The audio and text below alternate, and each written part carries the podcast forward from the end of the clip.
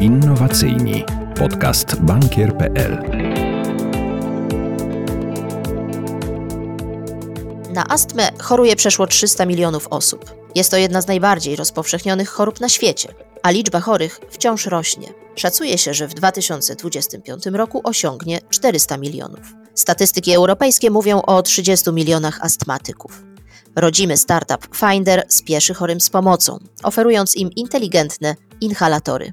O cyfryzacji opieki oddechowej rozmawiam z Tomaszem Mikoszem, współzałożycielem spółki Finder. Nazywam się Maria Grykin i zapraszam do wysłuchania kolejnego odcinka podcastu z cyklu Innowacyjni.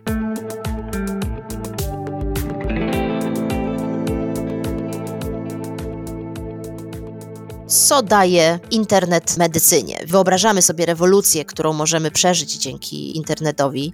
Uświadomił nam to chociażby czas pandemii, kiedy nagle powszechnie odkryliśmy e-medycynę.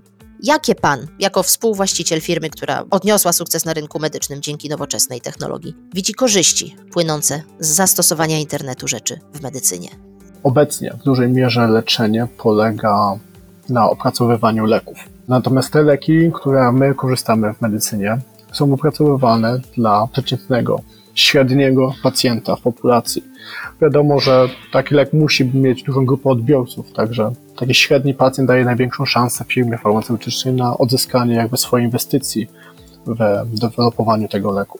Także później te leki, które dostajemy, które są stosowane podczas leczenia, one tak naprawdę one są stosowane właśnie z ideą o takiej przeciętnej osoby, które większości osobom pomogą, natomiast w przeciętny sposób. No i tutaj właśnie wchodzi IoT w opiece zdrowotnej, generalnie IoT w medycynie, bo umożliwia to zdobycie danych na temat konkretnego pacjenta, tak żeby to medycynę do tego pacjenta móc dostosować. I wtedy, mając te informacje i to leczenie, można dostosować nie tylko odpowiednie leki do tej danej osoby, a nie stosować tylko leki, które działałyby przeciętnie dla kogoś, ale także mieć podgląd w tym, co się dzieje z danym pacjentem. Czyli innymi słowy, IoT zwiększa zdecydowanie jakość leczenia.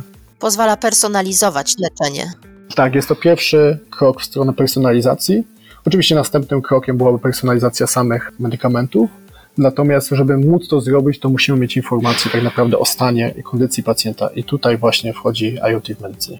Czyli również nadzorować pacjenta pozwala na przykład lekarzowi. Dobrze myślę, że są takie sprzęty teraz, czy opaski takie choćby dla seniorów, już nie nawiązując nawet do państwa produktu, które dają wgląd lekarzowi w stan pacjenta. Tak, no w najprostszym rozumieniu tego sformułowania to byłoby oczujnikowanie pacjenta.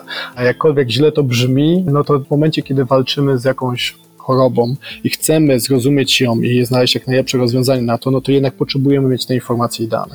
Czyli oczujnikowanie pozwala nam później móc monitorować, czy to retrospektywnie, w momencie, kiedy ktoś przychodzi na wizytę i sobie patrzeć, co się działo przez ostatnie tygodnie czy miesiące, czy w czasie rzeczywistym, patrząc, co się dzieje, czy nie trzeba zareagować na przykład i w jaki sposób zadzwonić, skonsultować się z pacjentem, czy zaprosić na wizytę. Skąd pomysł na Finder One, czyli jaką drogę Państwo przebyli od idei do wdrożenia produktu? No, mieliśmy szereg osób wśród bliskich i przyjaciół, które zmagały się z astmą albo z POHP. I te zmaganie my obserwowaliśmy bardzo długo i widzieliśmy, gdzie są luki w całym systemie, w całym tym procesie leczenia, które należałoby przede wszystkim rozwiązać. No i tak powstała pierwsza idea, że chcieliśmy rozwiązać te problemy, natomiast wiedzieliśmy, że jako zespół mamy wiedzę technologiczną, żeby tę ideę wdrożyć w życie. No i tak powstała pierwsza idea produktu, którym był Finder One, który w swojej pierwotnej wersji był o wiele bardziej zakrojonym produktem, bo zakładał tylko monitorowanie użyć inhalatora oraz znajdywanie tego inhalatora w razie zgubienia, no a z czasem się rozwinęło to o wiele szerzej. Co było dla Państwa największym wyzwaniem na drodze do wdrożenia produktu? No jest to bardzo specyficzna i ciężka branża, także tych wyzwań był szereg idąc po kolei, one chyba się zmieniały biegiem czasu, więc tak idąc po kolei, to na początku, tak jak każda nowa technologia, było wiele wyzwań takich technologicznych, które trzeba było rozwiązać, takich pomniejszych rozwiązań technologicznych, które są wymagane, aby móc stworzyć docelowy produkt. To były takie kluczowe rzeczy początku. Później myślę, że przekształciło się z tych technologicznych kwestii, przekształciło się nasze wyzwania bardziej w stronę tej administracyjnej, formalnej strony, żeby ten produkt, który został stworzony już, opracowany, że można było dopuścić rynkowo. no, rynek medyczny jest bardzo uregulowanym rynkiem, także dopuszczenie takiego produktu do sprzedaży i to na jednym z bardziej uregulowanych rynków, jak jest rynek Unii Europejskiej, jest dość dużym wyzwaniem, szczególnie na początku, kiedy się to robi pierwszy raz. Myślę, że potem to było bardziej opracowanie właściwego modelu biznesowego, z kolei tutaj mamy sytuację, kiedy nasz produkt nie jest produktem typu, że 10% lepszy od swojego poprzednika, tylko to jest zupełnie nowa kategoria rozwiązań na rynku, której nie istniała. Także ten rynek trzeba było w jakiś sposób stworzyć, znaleźć docelowych klientów, znaleźć partnerów, wiedzieć w jaki sposób go tutaj monetyzować. Także myślę, że to był taki jeszcze duży element. I myślę, że teraz na tym etapie bardziej to jest kwestia kapitałochłonności całego tego przedsięwzięcia, bo mówimy tutaj o rozwiązaniu, które w dużej mierze jest oparte na fizycznym urządzeniu, hardware'ze, a takie rozwiązania mają dość niewdzięczny sposób skalowania, no bo ponieważ raz, że trzeba stworzyć ten produkt, który jest kapitałochłonny, czyli przejść przez produkcję, następnie zrobić odpowiedni stok tego produktu, linie produkcyjne, no a także tworzenie nowych technologii, które w hardware'ze nie mamy możliwości poprawienia niczego, Także jak już raz zostaje coś wypuszczone, to już następny cykl produkcyjny to jest 9 do 12 miesięcy. Także nie można wypuścić poprawki szybko update'em jak w software'ze. Więc myślę, że ta kapitałochłonność obecnie jest takim właśnie ciekawszym wyzwaniem, które mamy. Branża medyczna jest jednym z najszybciej rosnących, rozwijających się rynków, więc nic dziwnego, że nie brakuje tutaj innowacyjnych idei. Czy firmom medtech, takim jak wasza, mającym innowacyjny pomysł, trudno jest się przebić ze swoim pomysłem? Tak, ten rynek jest wybitnie specyficzny. Podstawową rzeczą, która tak naprawdę napędza ten rynek, to jest odpowiedzialność. Koniec końców mówimy tutaj o zdrowiu, życiu ludzi, więc ten rynek nie jest nastawiony na szybkie zmiany, testowanie rzeczy, i, późniejszą najwyżej naprawianie w trakcie. Nie można sobie na to pozwolić. Co jest bardzo rozsądnym założeniem, natomiast troszkę spowalnia wdrażanie nowych technologii, naturalnie. Więc to jest bardzo taka rzecz, która powoduje stąd kwestie, że administracyjne, formalne są dość skomplikowane, są trzy razy rzeczy sprawdzane, zanim zostaną dopuszczone. I słusznie, tak powinno być. Tutaj nie można sobie pozwolić na żadnego rodzaju błędy. Z kolei inną stroną tego rynku jest to, że w momencie, kiedy już zostanie rozwiązanie zaaprobowane i jest przyjęte, to ono jest dość stabilne na tym rynku. Można być pewny, że nie wejdzie ktoś dwa lata później z nową wersją produktu od tak, no bo to cykl dwóch lat nie jest jakimś wybitnym długim terminem w tej branży, więc ma się dość dużą stabilizację. Po prostu udowodnienie, przejście przez te wszystkie procesy powoduje, że no jednak jest pewność danego rozwiązania.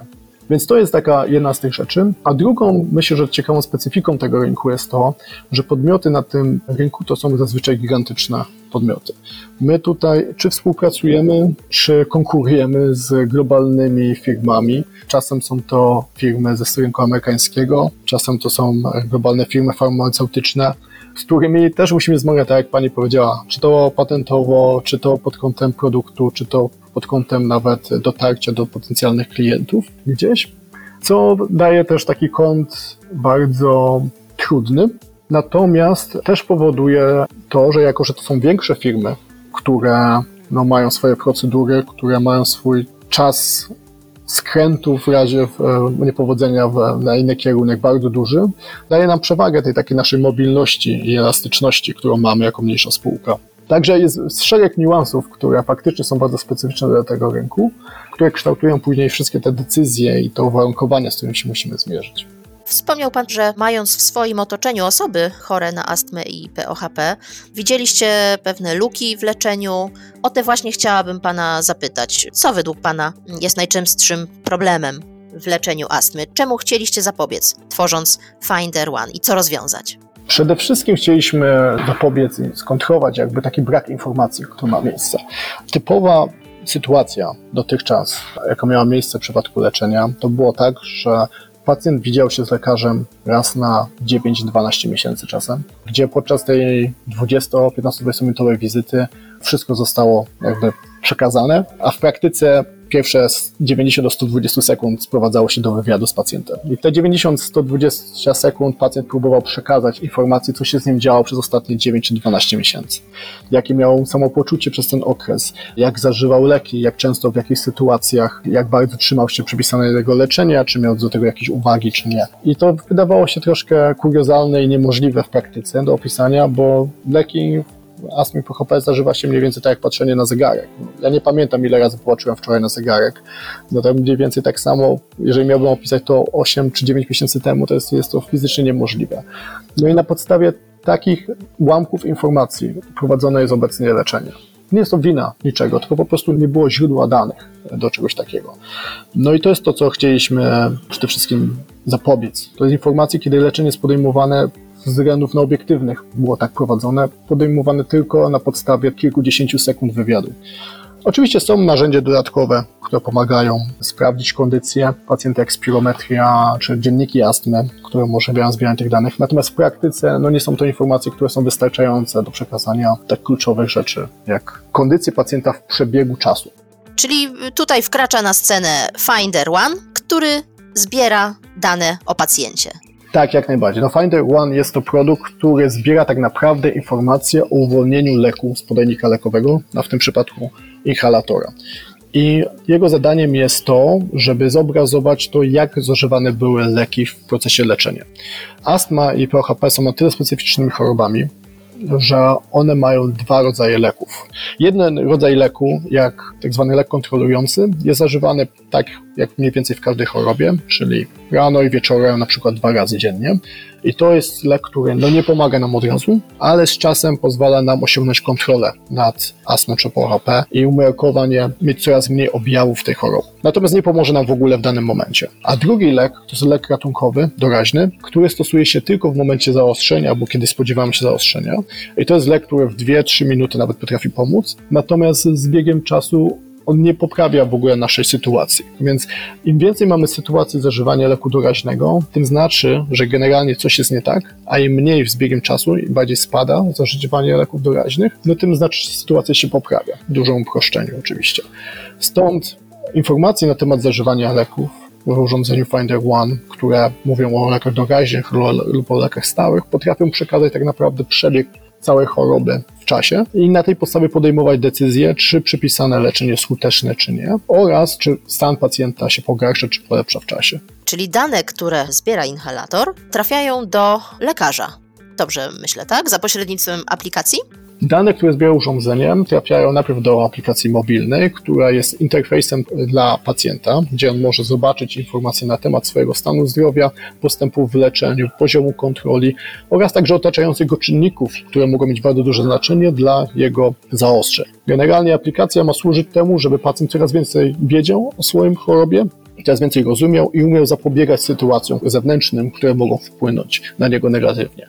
Natomiast następnie te dane automatycznie są przesyłane także do bazy danych i do platformy lekarza, gdzie lekarz może monitorować e, tego pacjenta w dowolnym momencie, patrząc, czy jego sytuacja nie wymaga nagle e, jakiejś interwencji zaproszenie na wideokonsultację albo po prostu nawet zaproszenie na wizytę i może także wzbogacić bazę danych medycznych o wyniki tego pacjenta, tak żeby później w czasie móc do tego wrócić. Czy macie konkurencję? Na rynku polskim nie mamy konkurencji. Mamy globalnie konkurencję. Mamy kilka podmiotów globalnie, które się zajmują tym. Większość w Stanach Zjednoczonych, ale są to pojedyncze firmy, które w tym momencie nie są jakoś wybitnie powszechne, w Europie przynajmniej.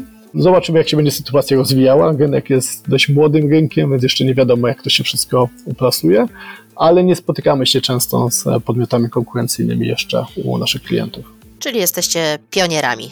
A na jakim etapie obecnie jesteście i jakie są kolejne kroki w rozwoju produktu i technologii? W tym momencie rozszerzamy naszą linię produktów Finder One, bo Finder One to nie jest tylko urządzenie, które w tym momencie może jest widoczne na naszej stronie, bo to tak naprawdę jest urządzenie Finder One PMDI, Red i Blue, natomiast rozszerzamy linię produktów Finder One o kolejne produkty i to są kolejne nakładki na inne typy inhalatorów. Obecnie pokrywamy około 70% globalnych inhalatorów, na które nasze urządzenia są kompatybilne, natomiast nową linią, tym, z pozostałymi urządzeniami w tej samej linii, pozostałymi czterema produktami, które teraz wychodzą niedługo, będziemy pokrywali około 93-95% inhalatorów globalnie. Więc to jest nasz cel produktowy na najbliższy czas, żeby mieć to pokrycie jak największe. Naszym celem, jeżeli chodzi o ekspansję z kolei, jest to, żeby jak najszerzej pozyskać przykłady refundacji naszego rozwiązania w ramach zdalnego leczenia. I takie próby są już prowadzone bardzo szeroko w Holandii. Rozpoczynamy też takie próby na rynku UK. No i planujemy także w najbliższym czasie rozpocząć to w Stanach Zjednoczonych. A ilu osobom ma szansę pomóc Wasz produkt? Mamy nadzieję, że wszystkim, ale realnie rzecz biorąc, to będzie bardzo zależało od tego, w jaką stronę pójdzie refundacja tych rozwiązań telemedycznych. Nasze rozwiązanie jest dedykowane tak naprawdę do wszystkich osób, które posiadają astmę PHP, wszystkich, które tak naprawdę używają inhalatorów, czyli realnie wszystkich. Natomiast największa użyteczność tego jest i najbardziej paląca potrzeba jest u osób, które mają średnią, ciężką astmę, czyli około 20% populacji astmatyków. W zależności od tego, do jakiego poziomu użyteczności dojdziemy, czyli optymalizacji leczenia, obniżenia kosztów, tak szeroko prawdopodobnie zostanie ta technologia zaimplementowana u coraz niższych poziomów intensywności tej choroby. Na pewno osoby z astmą ciężką będą miały tą technologię zaimplementowaną, z astmą średnią, średnio ciężką prawdopodobnie też. Czyli perspektywie takiej globalnej, gdzie mówimy o około 400 milionach astmatyków, prawdopodobnie to będzie 80 milionów osób, będzie mogło z niej korzystać, a mamy nadzieję, że więcej. A zna Pan szansę na refundację w najbliższej perspektywie? To już jest dostępne gdzieś w Stanach oraz e, pracujemy nad tym w Holandii. Pracujemy z czołowymi szpitalami, żeby wdrożyć to. W Holandii jest bardzo duża presja ze strony szpitali na władze, żeby w tą stronę to szło, więc jesteśmy dobrej myśli. Myślę, że na Polskę przyjdzie jeszcze czas. Te rzeczy się rozwijają dość szybko. Myślę, że w perspektywie dwóch, trzech lat od momentu, kiedy ta refundacja będzie bardzo dostępna w niektórych krajach zachodnich, także przyjdzie do Polski. Ale nie myślałbym, że to będzie jakaś dłuższa perspektywa czasowa. To jest kwestia raczej kilku lat. To akurat dobra informacja. A jak przekonaliście personel medyczny do swojego produktu? Mają zaufanie do sztucznej inteligencji? Mają przede wszystkim zaufanie do danych. Jeżeli pierwszy raz się pokaże im to, co te informacje, te dane są w stanie przedstawić, co pokazać, jaką ścieżkę pacjenta, tego, co się z nim działo przez ostatnie miesiące, to w tym momencie automatycznie zapalają się oczy, zaczynają rozumieć potrzebę tego rozwiązania. Lekarze najczęściej to nie są osoby, które studiowały matematykę albo fizykę i nie są to osoby koniecznie bardzo analityczne pod kątem takiej analizy danych. Dlatego kluczowe tutaj było przedstawienie tego, gdzie ta wartość tego produktu jest w procesie całego leczenia. I w momencie, kiedy udało nam się to przedstawić, to nagle środowisko medyczne zdecydowanie chętniej do tego podchodziło. A oprócz tego zawsze wszędzie, w wszystkich krajach, we wszystkich dziedzinach są innowatorzy. I ci innowatorzy to są najczęściej właśnie też osoby, które są bardzo ambitne i próbujące pchać nowe idee do przodu. I takimi innowatorami pracujemy wszędzie. I okazuje się, że ci innowatorzy są w stanie, ponieważ mają tą siłę przebicia też, wprowadzać tego typu innowacje, a im nie trzeba tłumaczyć, jaka jest wartość tego, oni od razu patrząc widzą to. Także myślę, że dobrze nam się pracuje z środowiskiem, nauczyliśmy się z nim komunikować, pomimo, że tego nie było na studiach medycznych, to że tutaj wartość tego produktu zdecydowanie jest wysoka. Natomiast na pewno została jeszcze nam długa droga, żeby każdy jeden lekarz, pulmonolog czy alergolog to stosował, ale myślę, że to się będzie już rozwijało z czasem. To już będzie samo napędzająca się maszyna. A co mógłby nam Pan powiedzieć o źródłach finansowania projektu? W tym momencie finansujemy się ze sprzedaży. Mamy także projekty badawcze, które są współfinansowane z Narodowego Centrum Badań i Rozwoju nad nowymi produktami. Takie produkty, które opracowujemy teraz i możliwe, że za dwa lata wyjdą na rynek, są bardzo kapitałochłonne. Na naszą bieżącą działalność w tym momencie finansujemy po prostu z naszych partnerstw z klientami. Głównie ta sprzedaż jest na rynkach europejskich, na rynkach zachodnich. Polsce tutaj bardziej działamy na zasadzie akcji promocyjnych czy pilotażowych wdrożeń na ten moment jeszcze. Natomiast e, na rynkach zagranicznych budżety na innowacje są o wiele, wiele większe na początek to tam są takie nasze większe przyczółki, jeżeli chodzi o kwestie sprzedaży. A jak zdobyliście kapitał początkowy? Czy bazowaliście na swoich środkach, czy też y, tutaj jakieś fundusze europejskie wchodziły w grę, czy też inny rodzaj finansowania?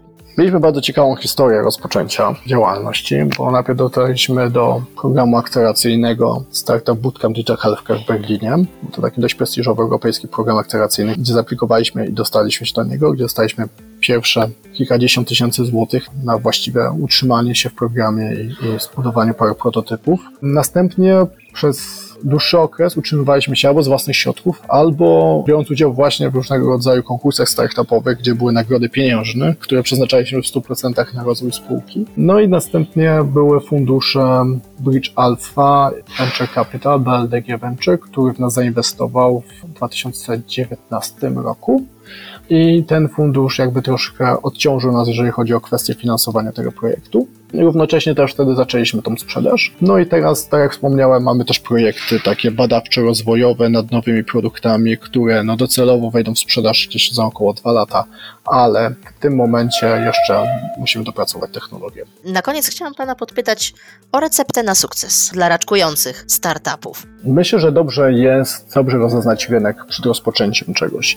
Poziom trudności niektórych przedsięwzięć jest bardzo duży i często kapitałochłonny, więc trzeba mieć to na uwadze, co z kolei powoduje też, że później potencjalne zyski z takiej działalności są o wiele większe, ale też idące współmiernie z ryzykiem. Więc trzeba być świadomym, na jaki rynek się wchodzi, jaki to jest typ działalności, jakie będą konkretne potrzeby e, na tym rynku oraz no, jak ciężko będzie ostatecznie doprowadzić do produktu. Kluczowe dla każdej firmy jest dojście do tego momentu, w którym rozpoczyna sprzedaż uzyskuje jakąś formę dochodu ze sprzedaży. Raz, że to potwierdza zapotrzebowanie na dane rozwiązanie. Dwa, pozwala się wreszcie uczyć e, na temat, rozmawiając z klientami, na temat tego, co ten, temu produktowi zawsze brakuje, gdzie go jeszcze trzeba rozwinąć.